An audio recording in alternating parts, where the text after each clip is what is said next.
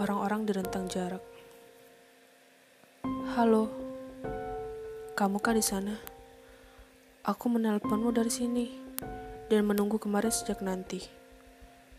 Kamu bisa dengar mimpiku? Mungkin tidak. Sejak bertemu, kita selalu berpisah, bukan? Kita tak pernah bersama dalam ruang yang berbeda dan itu cukup bagiku. Aku akan selalu menelponmu ketika kamu tak lagi ada. Ketika di meja itu, kamu tak lagi menunggu. Halo, 1993. Cerita orang-orang di awan. Dalam buku tentang ruang, karya Avianti Arman.